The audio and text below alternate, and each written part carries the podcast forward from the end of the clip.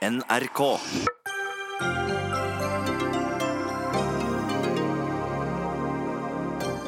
Pendlerparkeringen flere steder øker med over 600% MDG og Frp møtes i en sjelden felles front mot Bane NOR. Be om langreist mat neste gang du er på restaurant, oppfordrer økonomiprofessor Karen Helene Ultveit Moe, som er lei proteksjonistisk matpolitikk. Et land uten matproduksjon er et fattig land, svarer Senterpartileder Trygve Slagsvold Vedum. Og oppsetningen av 'Reisen til julestjernen' på Nationaltheatret har fjernet kristne elementer fra originalmanuset. Skjødesløs behandling av stykket, mener teaterforsker. Mangfold er viktigere enn religion, svarer regissør.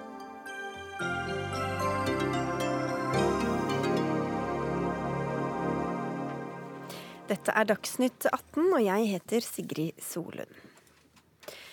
Vi skal ta tog til og fra jobb, det vet vi. Og bor vi langt unna stasjonen, skal det legges opp til parkering på knutepunktene. Det er det tverrpolitisk enighet om. Men for mange pendlere blir dette nå dyrere, mye dyrere. Neste fredag setter Bane NOR opp prisen fra 50 til 250 kroner for å parkere i 30 dager ved utfartsparkeringene i Drammen, Asker, Høvik, Stabekk, Strømmen, Lørenskog og Ski, skriver Nettavisen, og det er en økning på 400% Prisen for pendlerparkering i sju dager stiger enda mer, fra 12 til 85 kroner ifølge Bane NOR. Her inngår også stasjonen i Stjørdal i Trøndelag, og dette er en økning på 608 Knut Johansen, du er direktør for stasjoner i Bane NOR Eiendom. Hvorfor skal dere gjøre det dyrere for folk å følge den vedtatte politikken og reise kollektivt? Det er fordi at vi har, eh, har eh, sprengt innfartsparkeringene. Det er veldig mange som ønsker å parkere der. Og vi har ikke nok plasser til alle. Så vi tror at det å regulere noe på pris vil frigjøre noen plasser, sånn at de som har størst behov, faktisk får parkert. Og så er det da noen andre som vi håper ved å, å innføre noe mer betaling, at eh, en del av de som har anledning til å komme seg til stasjonen på en annen måte, de vil da gjøre det. Noe, sier du, men det er jo ganske høye prosentsatser her eh, dere setter opp, da? Ja, I prosent så er jeg enig om at det, det, det er høyt når det øker med 400% Men hvis du ser hvor mye det koster per dag på de utvalgte stedene du nå sa, så utgjør vel det noe sånn som 12,5 kroner per dag nå når vi har satt opp prisen for å, å få en rettighet til å, å parkere der.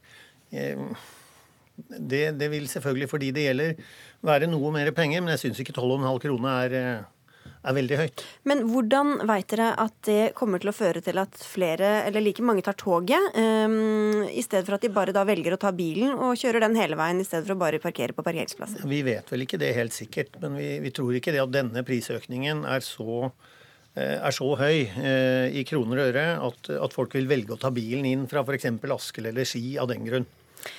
Det er flere som reagerer på prisøkningen, bl.a. deg, Ståle Sørensen fra Miljøpartiet De Grønne i Buskerud. Hvorfor er dere negative til et forslag som kan få flere til å la bilen stå? Nå snakker vi om NSBs beste kunder, de som bruker toget. Det er de vi skal støtte opp om. Eh, og så bor noen mennesker sånn til at de er avhengig av å parkere bilen sin ved, ved stasjonen for å ta toget videre.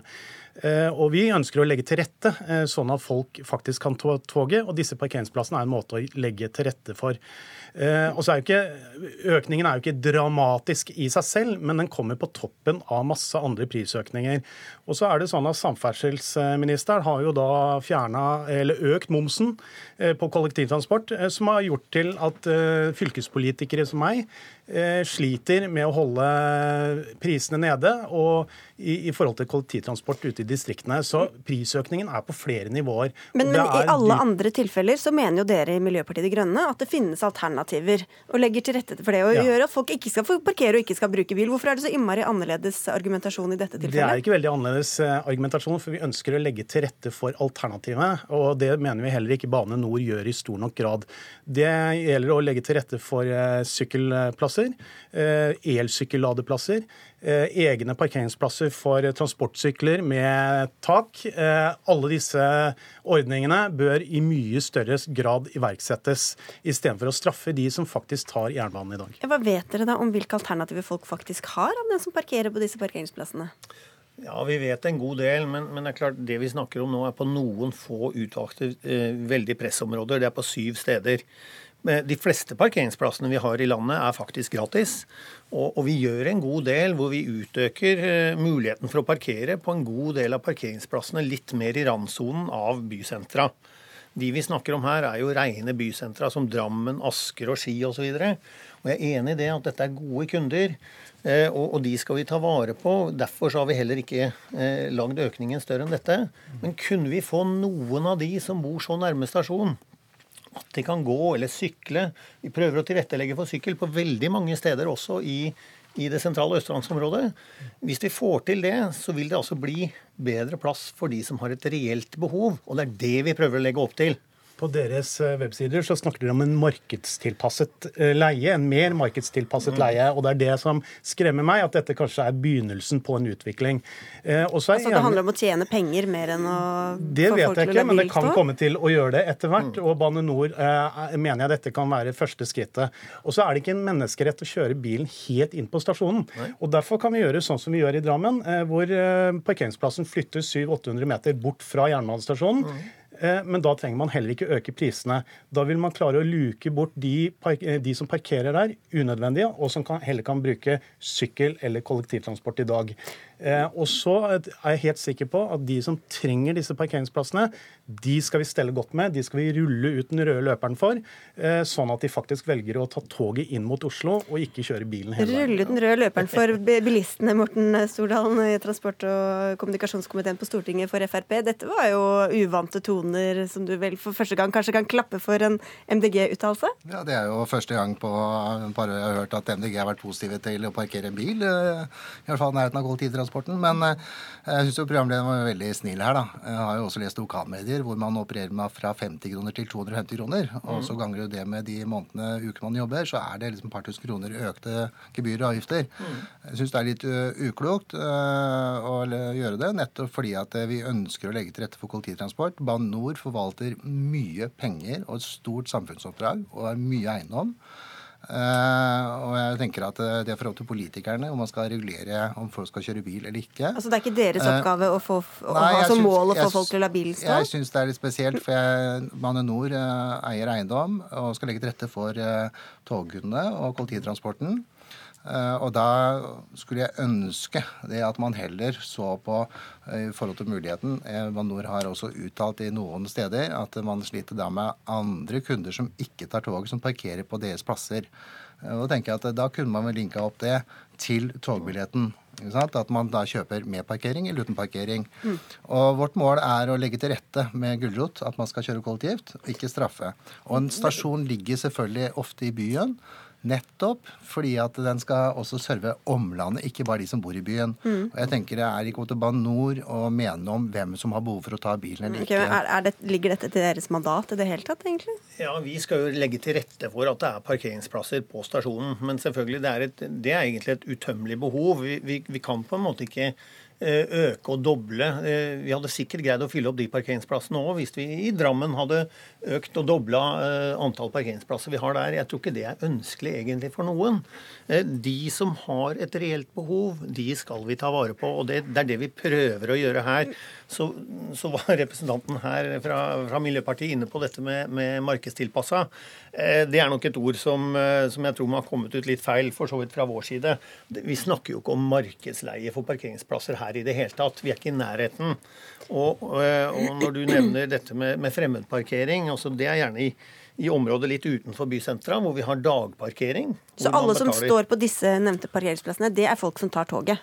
Ja, disse som, som pendlere på... på disse hovedstasjonene her, så er det i hovedsak det. Vi har også noen dagplasser. På dagplassene så er det ikke så lett å ha kontroll på om de faktisk er togkunder.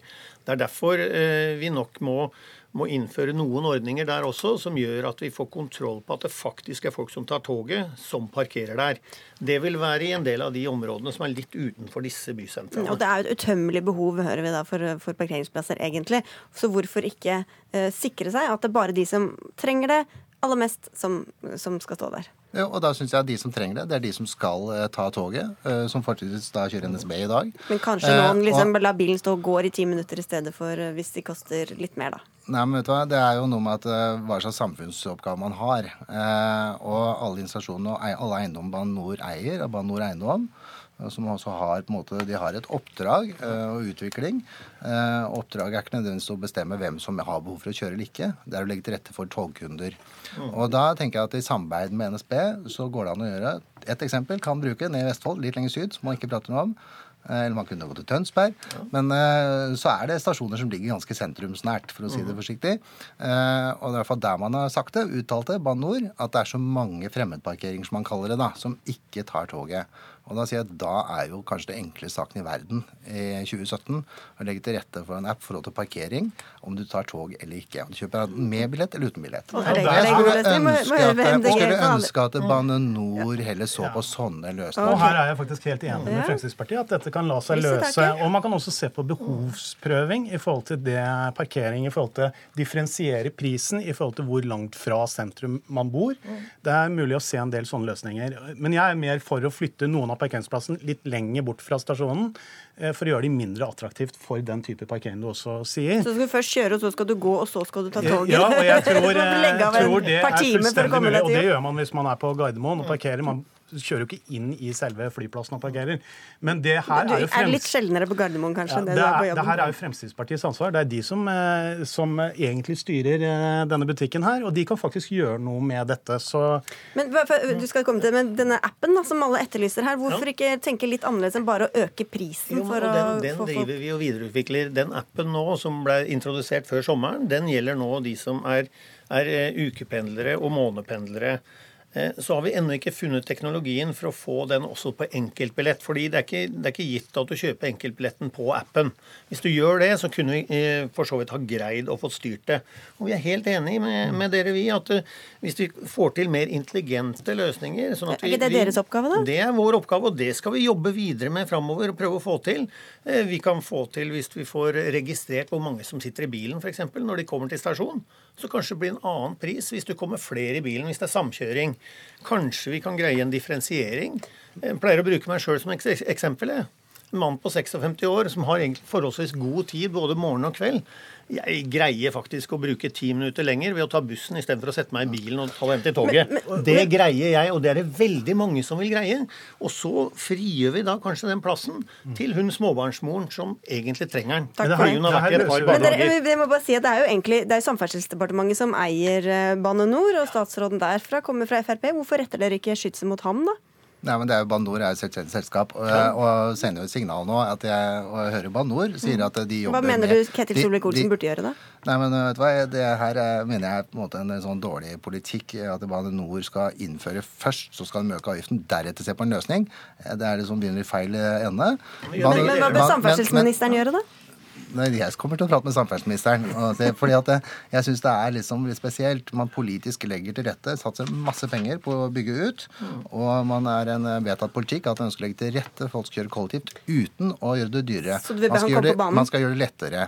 Du vil be han komme på banen, eller? Det har ikke jeg sagt. Men også er det spesielt, spesielt, spesielt, spesielt, spesielt å høre på MDG. fordi at det, Nå sier de først at jeg er enig, dernest skal de flytte plassene vekk fra stasjonen. Ja, det, det, det, er jo spesielt. Folk kan gå 500 meter. Det, det skader ingen. Og vil, da vil det være mye mindre attraktivt. Og eh, den fremmedparkeringen som, eh, som, er et problem, som jeg helt eh, støtter 100 i. at her, dette må man løse på en eller annen måte. Og teknologi, kjempebra. Og samtidig så må man jo satse på skikkelige sykkelparkeringsplasser. Bysykkelordninger med tilgang til jernbanestasjoner. Eh, og det med prisdifferensiere. Så det er mange løsninger som man bør kjøre inn samtidig her. Og jeg tror vi er helt på linje. Ja, eh, Men jeg er litt sånn, reagerer litt på rekkefølgen. Jeg må få lov å kommentere litt. Uh, Bane NOR kommenterer i forhold til at ti minutter ekstra med bussen Det som man skal være veldig lydig for, det er at det er veldig mange som tar det toget. Som mm. ikke bor i den byen. Ikke har den busstilbudet. Som har kun skolebuss. Det er det man vil frigjøre plassene for. Det kan jo være ganske uh, vi skal hjelpe med å frigjøre noen plasser. Og ja. andre steder så bygger vi ut noen flere plasser. Så, sånn at vi skal få løst dette her. Du og Solvik-Olsen og alle andre her er får å sette dere ned og finne de smarte løsningene. Det er vi absolutt fort. interessert i. Så får vi takke av dere i denne omgang, alle tre. Knut Ruud Johansen, som altså er eh, Bane NOR-direktør for stasjoner. Morten Stordalen fra Frp og Ståle Sørensen fra MDG. Dagsnytt 18 alle hverdager kl 18.00 på NRK P2 og NRK2.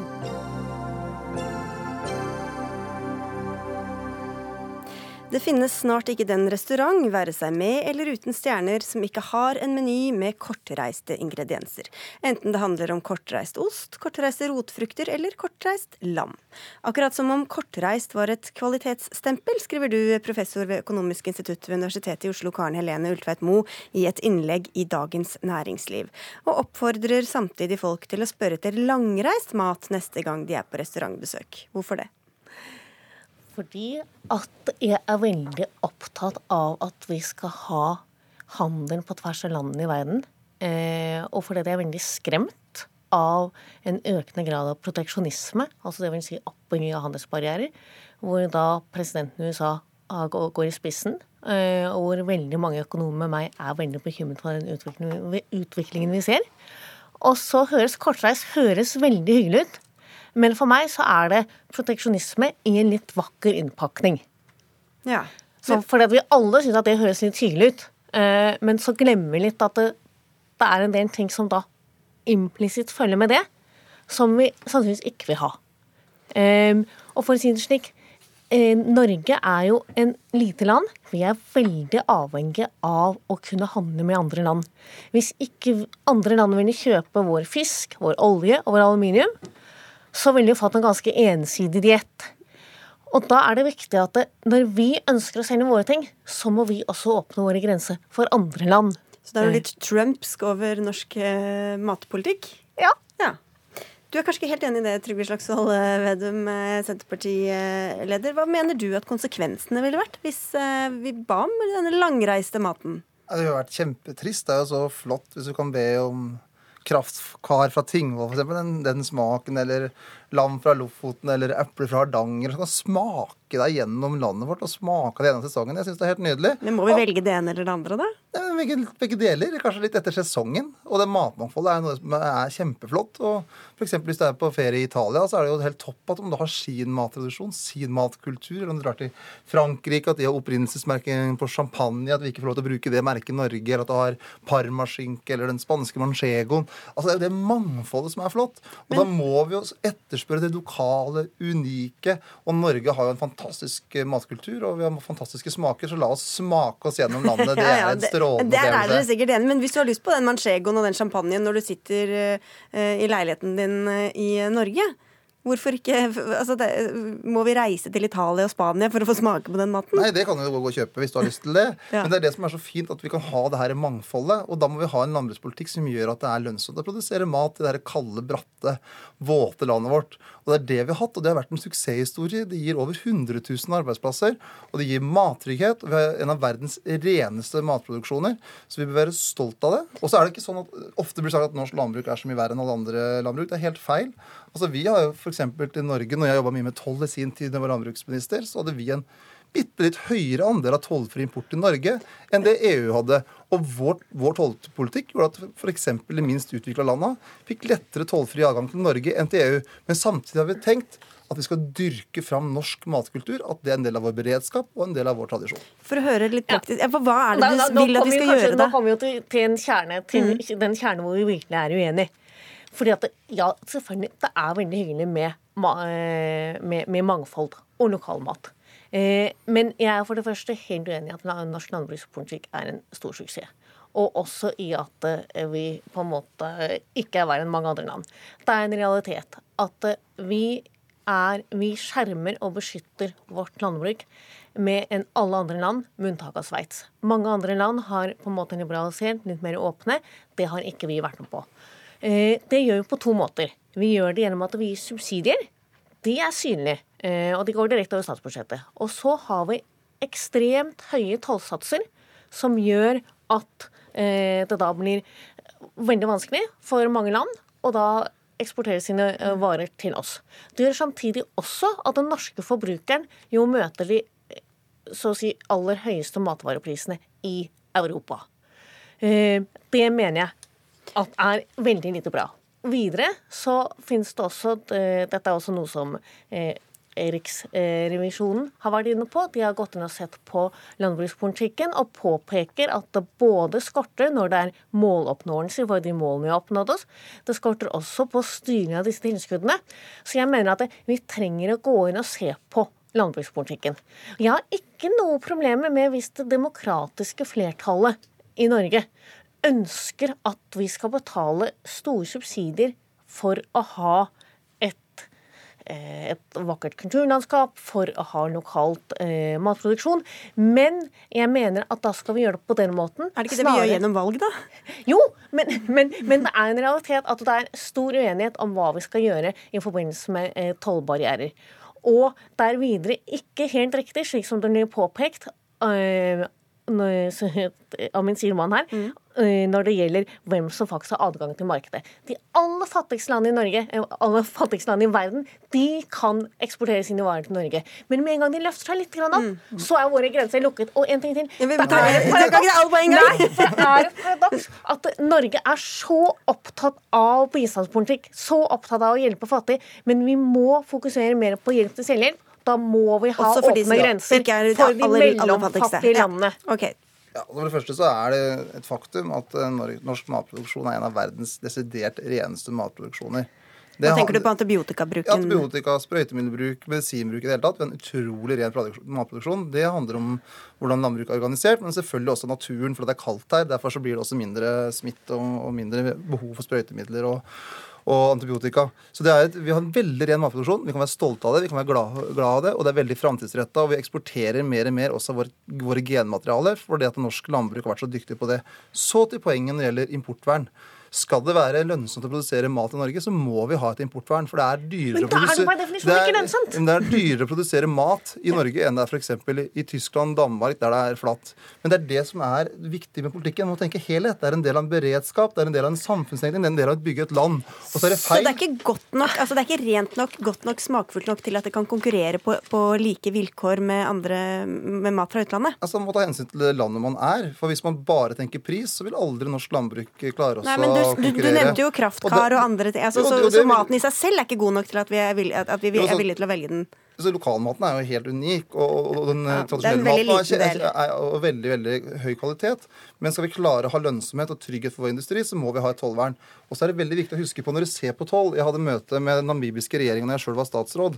Og de aleine eksporterte nesten like mye kjøtt til Norge som hele EU gjorde. Så det er ikke sånn at det, for Vi har hatt et system der mullaen har fått tollfrihet, der vi har gitt store tollfrie kvoter og, og lavere toll til en del uh, utviklingsland, som gjør at vi importerer uh, veldig mye varer fra en del av de landene. Og hvis- ikke Jo, mene. jo, for det er sant. Jeg Nei, mener det ikke det. er jo ikke altså, sant. jeg hadde det møtet med han handelsministeren, og det er det som er et faktum. Jo, og, nei, jo, det- jo, det er det som er et faktum. Og da importerte vi for 209 millioner kroner. EU for 245 millioner kroner. Men det var bare fra det ene landet, jo, da. og det er et tegn på det. For at hvis vi reduserer vårt tollvern, så er det ikke sånn at de minst utvikla landa kommer godt ut av det. Det er dansk industri, tysk Ja, for, industri for hva skjer eh, hvis du slipper markedet fri? Da, du har kanskje litt stor tro på Eller hvordan vet du at det, er, at det kommer til å gagne de mellomfattige landene, Altså, og ikke vi- Danmark, vi, f.eks.? vi vet én ting veldig godt. At det å skjerme næringer har aldri bidratt til innovasjon og konkurransekraft. Men det er det det vi. som er det viktigste Ja, her? Er det, jo, er I stedet for kulturlandskap og sjølberging og Jo, men Hvis vi skal ha viktig- kulturlandskap og sjølberging, det er fint. Men da bør vi gjøre det på en måte som gjør at vi da, eh, da, da er det på en måte da er det det vi skal betale for. Da skal vi ikke skjerme eh, Da skal vi ikke ha høyt importvern som gjør at matvarer først, først og fremst blir veldig dyre i Norge, som gir forbrukerne høye matvarepriser, og som også, dette er viktig, og som også har noen klare fordelingseffekter.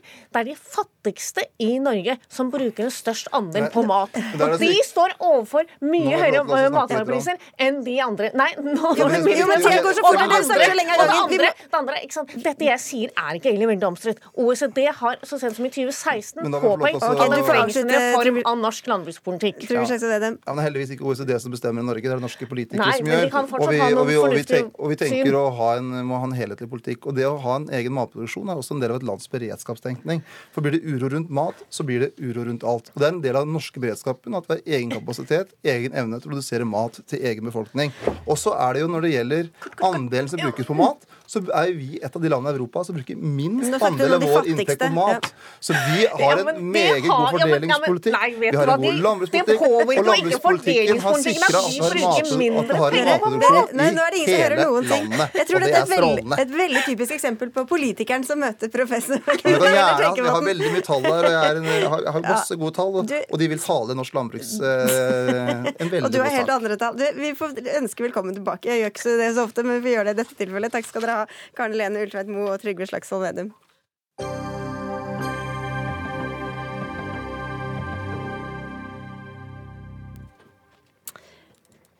I en serie om singellivet på det kristne nettstedet foross.no kunne vi, helt inntil i ettermiddag, lese dette.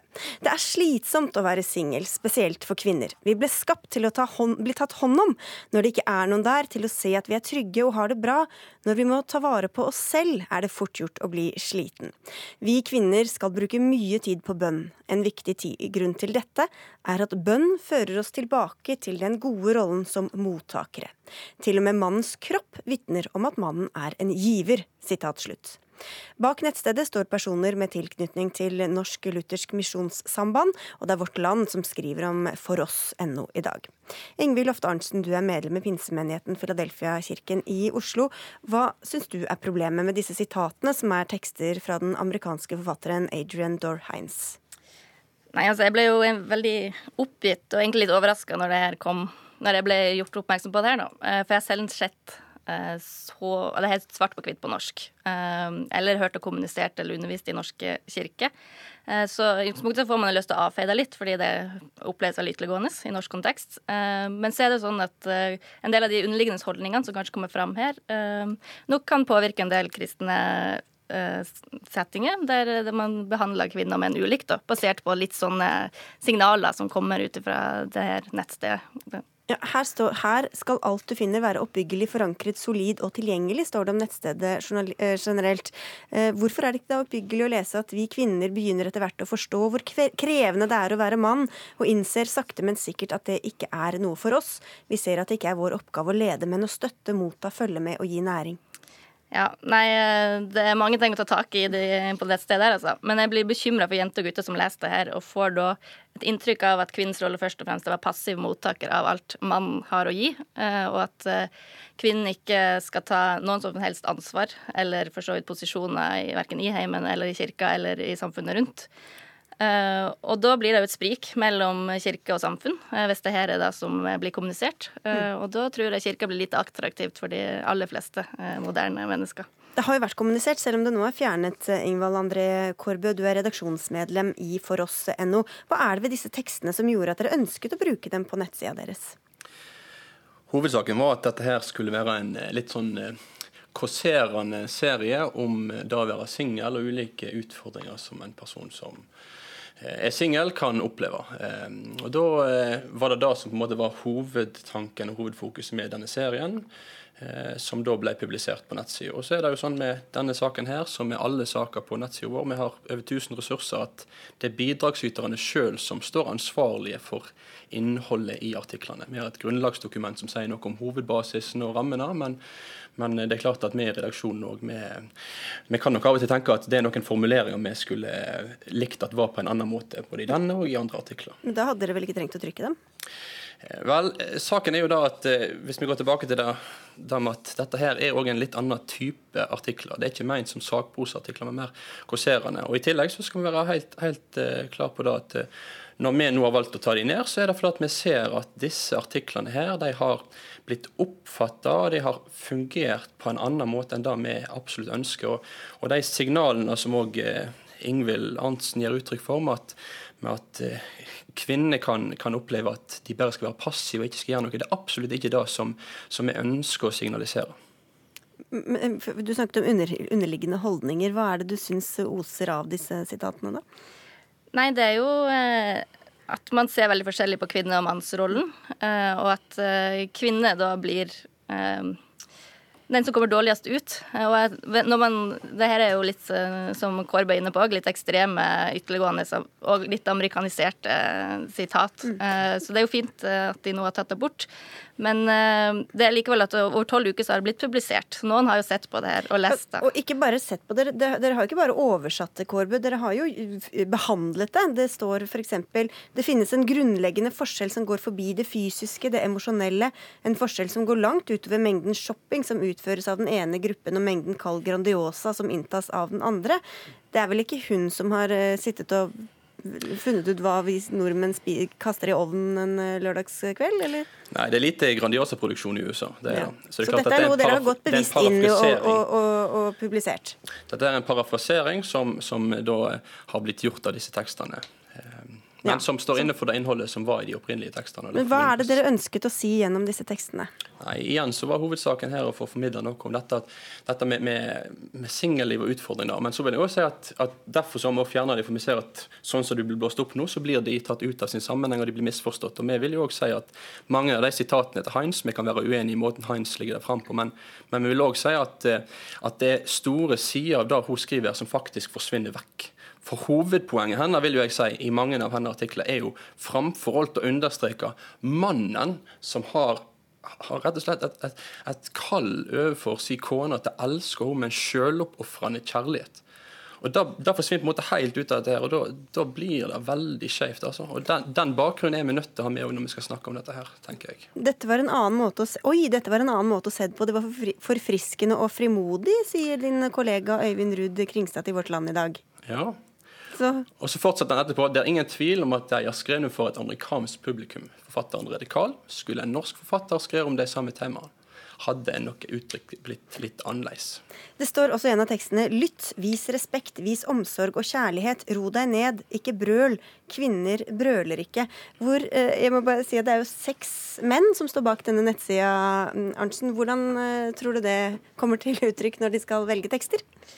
Nei, det er jo òg et interessant poeng at her er det noen ei gruppe menn da, som har funnet ei bok som de tydeligvis eh, liker innholdet i, fra USA, og oversatt den. Eh, også Kårby sier at mannen skal elske kona si, men eh, kona skal jo òg elske mannen sin. Og her har du ei bok som fra kvinnes perspektiv snakker om hvordan man skal forholde seg til at mannen er overhodet i familien, hvordan mannen skal være den aktive part, og kvinnen bare skal motta. At man skal sette i ro og be til man blir ydmyk nok til å ta imot alt som mannen har å gi, og dermed blir en passiv Eh, part.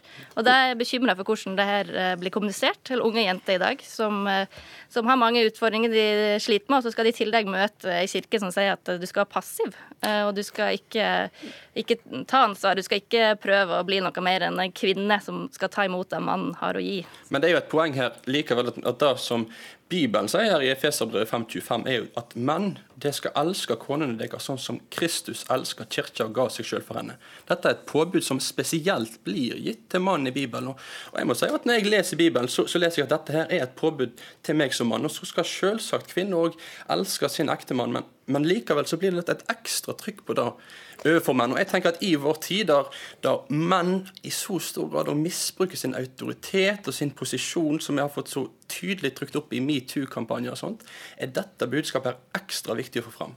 At menn menn skal virkelig elske kvinnene sine, gi seg sjøl for dem, bry seg om dem. Vet Vi må nesten avslutte der. Takk skal dere ha begge to. Ingvald eh, André Kårbø fra foross.no og Ingvild Ofte Arntzen fra Pinsemenigheten og Filadelfia-kirken i Oslo.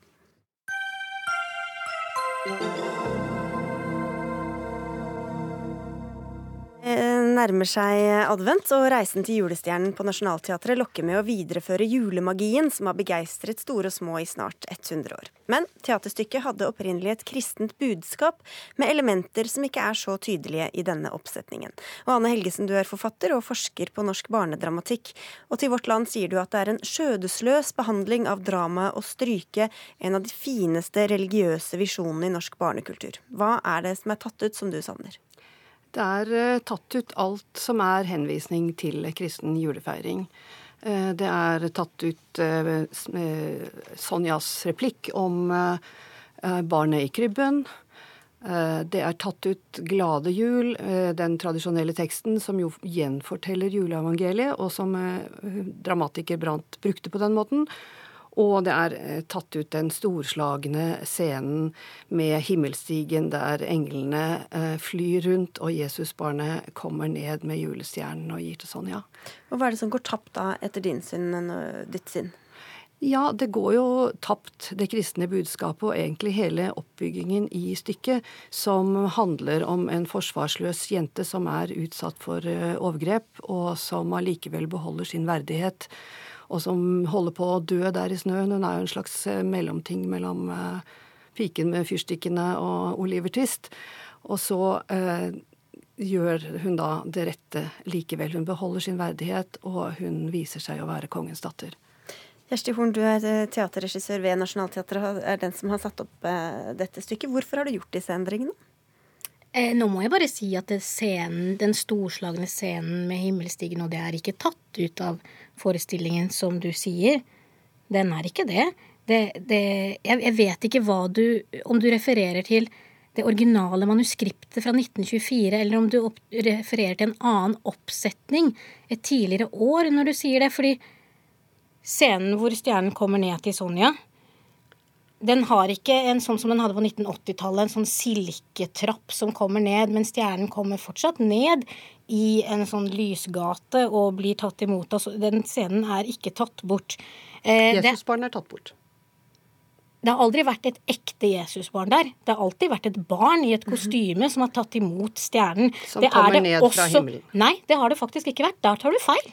Da tar du faktisk feil. Det har vært et barn som har gått bak og opp en liten trapp, og så strekket seg opp og tatt ned stjernen. Nå er det et barn som kommer fra siden, blir løftet opp, tar imot stjernen og gir den til Sonja. Det er bare en ren sånn arrangementsmessig forskjell. Det barnet som har vært på 80-tallet, da, hadde en hvit kjortel og en hvit, krøllete syntetisk parykk og vinger av plastikk. Det barnet som er der nå, har vanlige barneklær og den har vinger som er laget av papp. Eh, jeg ser ikke den store forskjellen der. Men, men, jo, jeg ser den store ja, magiske forskjellen der. Og så har vi jo samtalt om det tidligere, og du har sagt til Vårt Land at du har ønsket å fjerne det religiøse motivet som finnes der for at det skal være en mer allmenn fortelling. Jeg har vel ikke sagt at jeg ønsker å fjerne det religiøse motivet, men jeg har sagt at jeg ønsket veldig veldig sterkt å lage en forestilling som var inkluderende for alle mulige barn. Og da snakker jeg ikke bare om, eh, om at vi har tatt bort, eller endret en setning som er Kirkeklokkene taler om krybben i Betlehem, hvor de nå sier taler om barnet fra himmelen. Det har jeg blitt enig med rettighetshaver om, den endringen. Men, eh, men jeg har vært veldig opptatt av at alle barn som kommer i Nationaltheatret Dette har tradisjonelt vært en overklassetradisjon for barn fra vestkanten som har eh, både deltatt i den balletten som har vært på scenen, og vært publikummere. Vi har ønsket å åpne opp forestillingen for barn fra hele byen. Vi har hatt en åpen audition, og vi har valgt ut barn med alle mulige kroppsfasonger, alle mulige hudfarger, alle mulige slags bakgrunner, som også står på scenen for at de ungene som sitter i salen, som er annerledes nå enn i 1924, skal kjenne seg velkommen i teatret. Men betyr det også at du har tonet ned eller fjernet visse kristne elementer eh, bevisst? Eh, ja, det har jeg tonet ned, ja. Men som sagt så snakker de om barnet fra himmelen, og det kommer fortsatt en stjerne ned til Sonja. Men de snakker Sonja. ikke om barnet som fødes i krybben. De snakker ikke om glade jul, hellige jul, engler daler ned i skjul. Nei, de synger en annen versjon av Glade jul, men, med en annen oversettelse, ja. Men, men hvor så... mange tror du kommer i teatret for å se Reisen til julestjernen som ønsker seg en religiøs opplevelse? Eh, jeg tror faktisk det er ganske mange. Jeg har fått eh, veldig mange reaksjoner på den kronikken som jeg hadde i Klassekampen, på at eh, mange ikke ønsker å gå og se julestjernen mer fordi all eh, magien, all spiritualiteten er borte i den eh, versjonen. Men det er også en annen ting, og det er at eh, i eh, de mennesker som kommer til vårt land som faktisk er religiøse, hvis man skal snakke om et flerkulturelt samfunn, så tror jeg faktisk at de, mange av dem er mer opptatt av å møte andre som har en tro, enn å møte et sekularisert samfunn. Så Derfor så tror jeg også at det er å skyte over mål når du sier at dette er nødvendigvis inkluderende. Og jeg syns det er helt uh, forferdelig at man prøver nå å dekke over at man kutter ut det kristne budskapet. Uh, hvis man ser nærmere, og jeg har begynt å analysere det nå. og Jeg trodde egentlig jeg syntes at dette var et ganske dårlig stykke, innbilte jeg meg, for jeg hadde sett filmen. Og når jeg nå har forska i dette og jobba med Branns intensjoner, så begynner jeg å synes at det er et stykke som henger godt sammen. Og når man f.eks. tar bort at Sonja er et offer, at hun er utsatt for røvere eh, som, eh, som slår henne, som prøver å tvinge henne til å stjele, så er det en ganske dramatisk åpning på stykket. Og eh,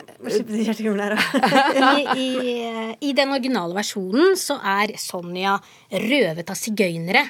Det syns jeg var problematisk, at hun var offer for menneskehandel. Det er, jeg syns det er viktig for barn i dag. Jeg prøver på ingen måte å dekke over noe som helst. Jeg skjønner ikke hvor du har fått det fra.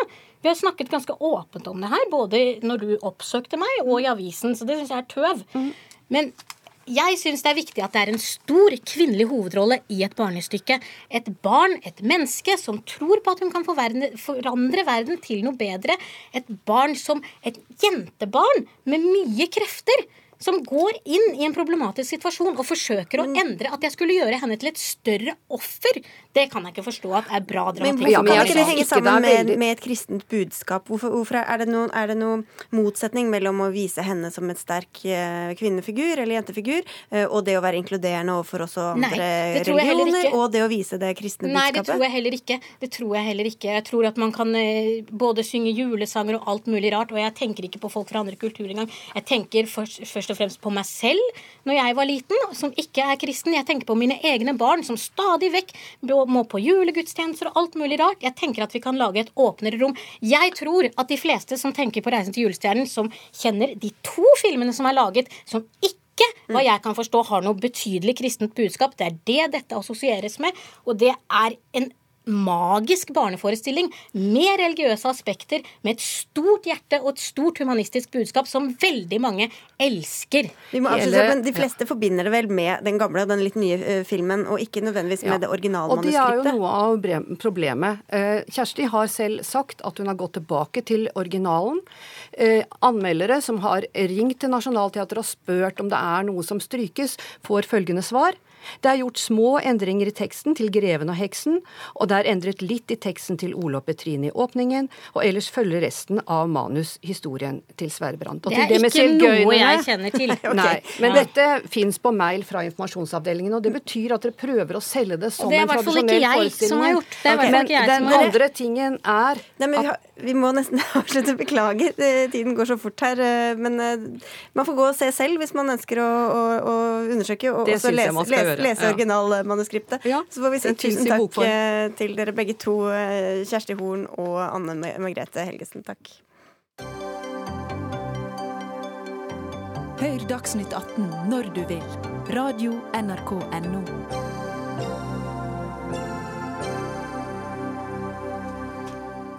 Under Erna Solbergs ledelse har grumset fra kommentarfeltene fått plass ved kongens bord. Det anstendige Høyre har forsvunnet. Landets fremste politiker lukker øynene for utsagn som kommer fra hennes egen regjering. Det er strutseledelse og dårlig ledelse. Denne kraftsalven i VG kommer fra deg, Åsmund Aukrust. Du er stortingsrepresentant for Arbeiderpartiet. Og du må nesten forklare hvilke spesifikke utsagn og hendelser sikter du til?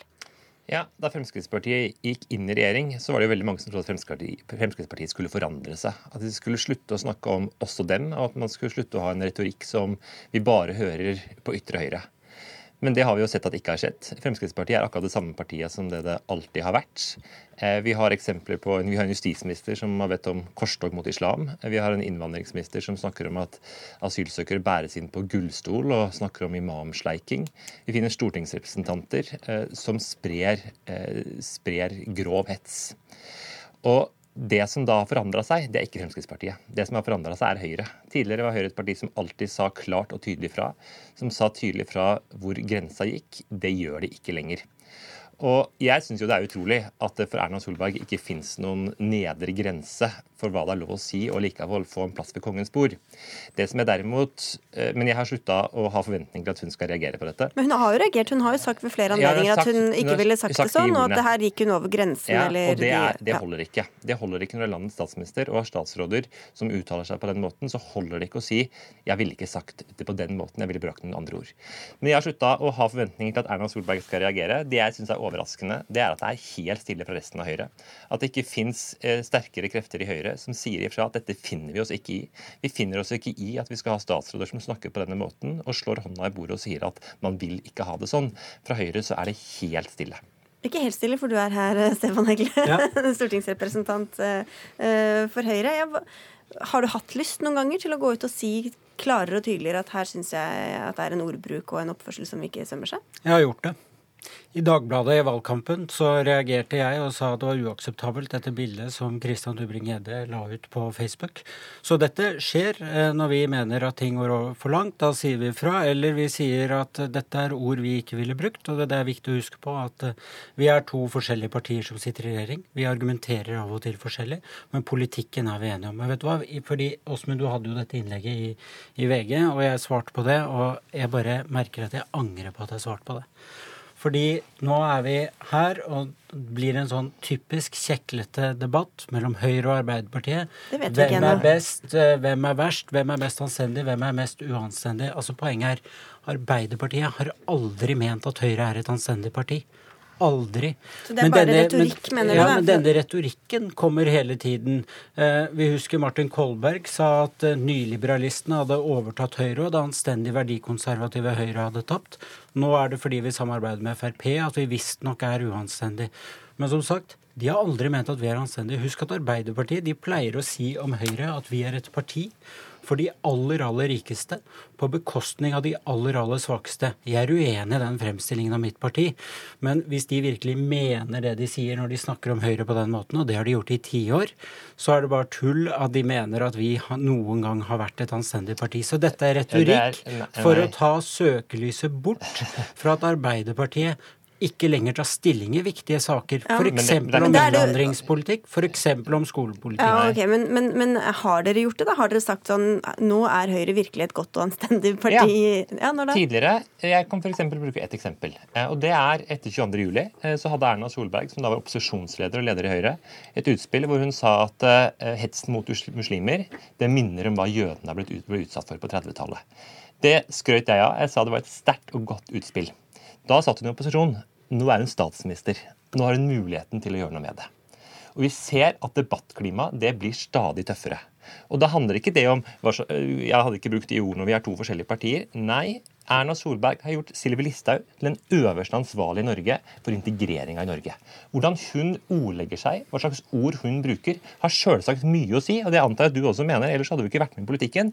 Ord betyr noe. Og derfor syns jeg det er en sånn bagatellisering vi hører fra Høyre, hvor de sier at eh, nei, og vi, vi kan, vi, Arbeiderpartiet vil bare snakke om andre ting. Og nei, vi er her fordi vi vil ta et oppgjør mot det grums, grumset som vi ser i samfunnsdebatten, som gjør at det har blitt et tøffere klima på skolegården, i arbeidsplassen og i Er kommentarfeltet. du enig at det er det er et tøffere debattklima, Heggelund? Bare for å Nei, jeg vet ikke om jeg nødvendigvis er er enig i at det er et tøffere debattklima. Du hører ikke på er alle stemmene som sier at det er blitt tøffere? Nå er det jeg som har Ja. ordet.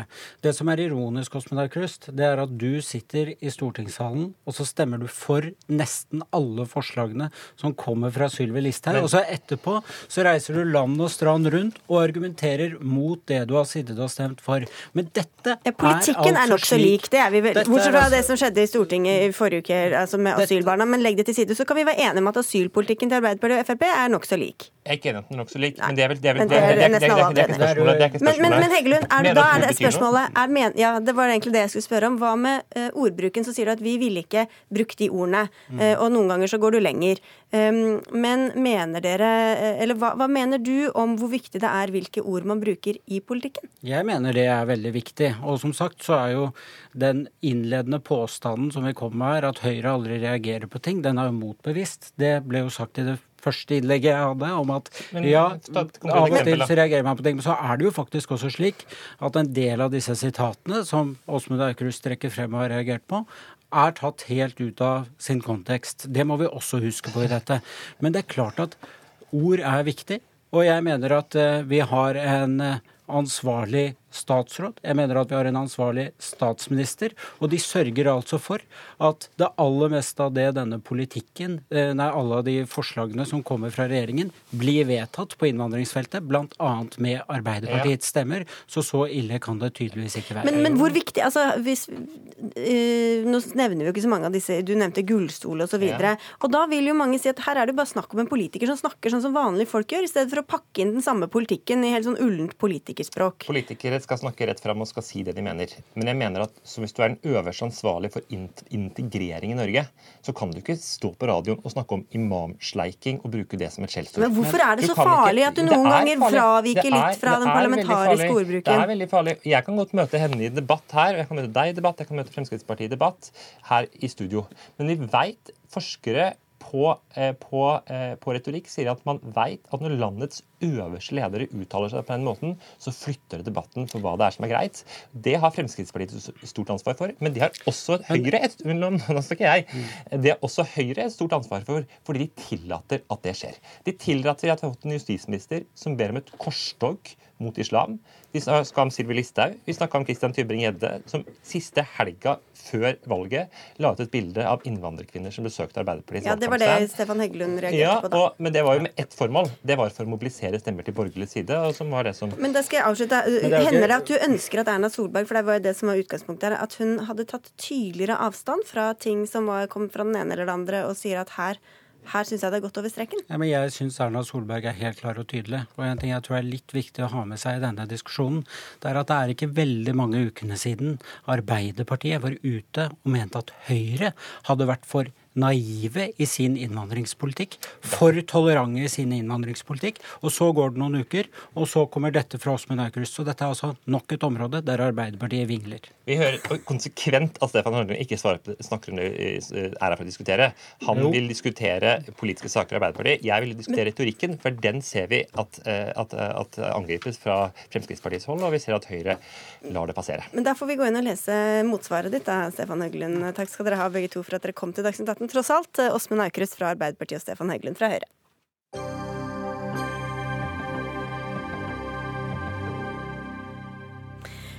Petter Northug får ikke være med når verdenscupen i langrenn starter i Finland kommende helg. I dag bekreftet ledelsen i langrennslandslaget lista over de ti løperne som får bli med til Finland, og Northug er altså ikke blant dem. Han var syk og kunne ikke gå skirenn i helga, og har derfor ingen resultater å vise til. Og landslagssjef Vidar Løfshus sier til VG at han ikke kan gi plass til Northug på bekostning av dem som kom på pallen under den nasjonale sesongåpninga i helgen. Skuespiller og langrennsentusiast Anders Båsmo Christiansen, du har sammen med kollega Trond Espen Seim skrevet på nrk.no i helga at landslagsledelsen står i fare for å spenne bein på Northug og seg selv. Hva er det de gjør feil nå, når de ikke tar ut Northug? Nei, jeg syns absolutt han burde vært, verdig en plass i en timannstropp uh, i en OL-sesong. Uh, altså Han har bevist at han har så utrolig høy kompetanse på det å prikke formen gjennom så mange år. Og, og, og hvis vi stoler på sin, uh, rapporten om at han er i form og, og nå har friskmeldt seg, så syns jeg at man skal kunne tilrettelegge best mulig for at han skal være best mulig i form i OL, der han absolutt er en av Norges gullkandidater vil bli, hvis man stoler på at han har den kompetansen. Og det, det har i hvert fall vi. Og jeg syns det er litt nesten mistenkelig at han blir utelatt igjen. Ja, for det er OL i februar du mener han må få gå seg opp til? Ja. ja. Esten Aasæter, sportskommentator i Dagbladet. Du skriver at det var helt greit å vrake Northug. Hvorfor, hvorfor bør ikke han få bli med til Finland? Eh, han bør, bør bli med til OL. Jeg har lyst til å starte der, fordi at det ønsker nok alle sammen. Og i hvert fall jeg. Eh, men til Finland så har han ikke vist nok. Og så er det et, eh, et skimiljø som er veldig, veldig sterkt, med mange, mange virkelig gode løpere. Og hvis vi skal fortsette eh, å tenke gamle meritter istedenfor å tenke nye meritter, så blir det helt gærent. Vi er nødt til å belønne de unge som kommer opp. Husk da at Petter Northug selv har vært i denne situasjonen for, for ti år siden, ikke sant? da han ikke ikke fikk lov til å være med til et OL. Nå tror jeg han kommer til et OL. Men når du er ung, så, så, er du selvfølgelig utålmodig, og det er mange unge som er utålmodige nå til å slippe til. Ja, For det er begrensa med plasser, så det går på bekostning av noen da, Bosme Christiansen? Ja, absolutt. Men jeg tror også selvfølgelig man skal ikke stå i veien for de som absolutt har eh, talenter som kan komme opp, og det gjør ikke Petter Northug heller. Altså, Saken er at jeg, Spørsmålet er hvorfor vil man ikke ha en av de fremste gullkandidatene i best mulig form i OL? Og, og, og, og det, det, det, skjønner jeg ikke. Og, da er det liksom man, man, bruker så mye penger på å satse på gullmedaljer og, og, bli beste nasjon i mesterskap og sånne ting. Han er en mesterskapsløper som har bevist gang på gang det. Og, og jeg synes det, Man blir liksom litt lei av at ledelsen hele tiden liksom finner argumenter for å utelate han. For jeg syns det virker ganske klart at det handler om andre ting enn akkurat det. For jeg synes det, det er det at han brøt ut av landslaget og måtte finne sin egen vei, som jeg tror ligger til bånn. For det har de på en måte ikke akseptert skikkelig i Skiforbundet. Altså at det er vikarierende motiver? Ja, jeg syns det er helt vanskelig å lese det annerledes. Jeg, jeg tror ikke det, altså. Jeg, jeg syns det var helt ålreit at den brøt med landslaget. Jeg syns det er viktig at ikke andre gjør det, men jeg syns det var helt ålreit den gangen. Så liksom, la oss starte der. Men jeg tror faktisk at de ønsker han i så god form som eh, overhodet mulig. Men de er jo lagledere. Det kan de jo ikke gjøre hvis de ikke tar med. Ja, det kan jo det. Fordi at, fordi at det, er, det, er, altså flere av disse løperne som er med, som er klare medaljekandidater. Og da måtte man ha droppet noen av disse medaljekandidatene for å gi plass til, ja. til Petter. Men det er ikke ti stykker. Jo, det er, det er, faktisk det. Altså, det, er jo, det er jo kjempemoro i seg sjøl. Hvordan, hvordan vet du at det er han som har best sjanse til å vinne gullet under OL, da? Jeg mener at han absolutt har bevist at han har kompetanse, kanskje best i Norge, på det å prikke, prikke formen. Og han har bevist at han kan det selv. I fjor, når han, når han ble overtrent, så kom han tilbake og, og, og klarte å komme til sprintfinalen og også hang med i toppen i femmila med en helt mislykka sesongforberedelse. Også da ble han utelatt i Falun i World Cup eh, i, i forberedelse til Lahti av forbundet. Og jeg syns det er på en måte jeg syns det er rart at man ikke at man, Hvorfor vil man ikke ha, han i best mulig form? Jeg, tror, jeg tror egentlig Så svenskene takker og bukker, liksom? Men, men uh, Anders, jeg tror, at, jeg tror du nesten er nødt til å være i nærheten av treningen og se hvem er det som er god, og hvem er det som ikke er fullt så god. Og Det, det som skjer nå, er at man, Petter har trent for seg selv, og du mangler prøver på å vite om han egentlig er i form. Det er høyst usikkert om han er i form. Vi kan håpe det så mye vi vil, og han kan mene det, men det er ikke sikkert at det er slik. Og da blir det faktisk ganske urettferdig mot de som har vist at de er gode, at de ikke skal få lov til å få denne sjansen. Men de får jo rapporter fra, fra Stig Rune Kvene og, og, og laget hans som legger man til grunn at det i de rapportene ikke er sanne, da. Hvem er det? Nei, de har... Treneren til Northug. Hilsen eksperten på den andre siden av bordet. Ja, ja, ja, det er jo ikke så farlig, da.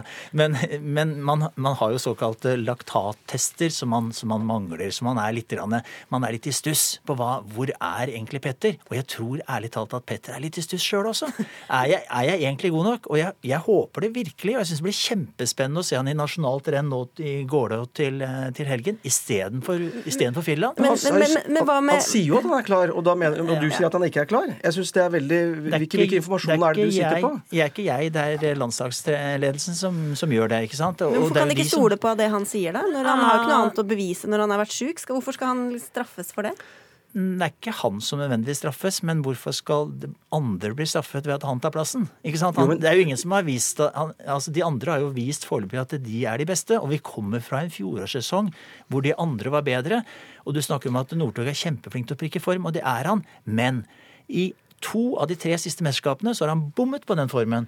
Og Derfor er det litt vesentlig å, å, å tenke ny historie og gammel historie. og så er det tror, å, å tenke framtid. Så du tror altså ikke at Northug er blant de frem, ti fremste gullkandidatene for Norge hvis han får en optimal sesongforberedelse fram mot OL 2018? Og Det syns jeg er helt, helt, vilt å si. Ja, jo. Jeg, jeg, tror at han kommer til OL, så jeg tror at han er i den gruppen. Men jeg syns det er gærent på dette tidspunktet å skyve ut noen andre som har muligheter. Men hva med underholdnings- og publikumsappellen, da? Der der er det jo ingen tvil, da. Nei, altså, skal det legges litt vekt på? Eller? Jo, det, det, det, skal det. For oss skal det gjøre det. Men for de som forsøker å være rettferdige inn i en gruppe, og se på hvem er det som sportslig sett uh, bør få den premieringen, så syns jeg det er helt fair. Og så får, så får noen andre vinne debattene, fordi det er, det er klart ja, altså, Snakk om at han er underholdning. Altså, han har vunnet åtte individuelle gull siden noen vant distansegull siden Oddbjørn Hjelmstedt i 2007. Han har avslutta uh, ankeretappe for Norge sju ganger og vunnet gull. Han har eh, stått for de store opplevelsene, ja, som gjør sammen med Finn Ågen Krogh, som, som vant stafetten for Norge i, i, i Lagt i fjor, så har han stått for de store øyeblikkene. Men han vinner, han, han er best når det gjelder. Og derfor bør han eh, få bli tilrette, tilrettelagt, tilrettelagt en optimal forberedelse til OL, som, som, som, som gjør at vi kan vinne gull. Jeg skjønner spørsmålet er hvorfor vil ikke Det eneste jeg vet om, er landslagsledelsen og Esten Sæther, som ikke vil at han skal ha optimal form i år. Alle andre vil det. Nei, det er ikke så mange. De fleste ekspertene jeg har hørt, mener det motsatte. Og jeg syns det er Det lukter uh, politikk og, og uh, en slags vandetta lang vei. Og man blir så lei det. Det er tredje gangen i år han ble utestengt. Og, må... og svenskene bukker og takker, og de har vunnet OL-stafetten to siste ganger. Vi har spurt landslagsledelsen som ikke kunne stille. Vi må takke for debatten og takke for oss, Dag Dørum, Erik Sandbråten og jeg, Sigrid Solund.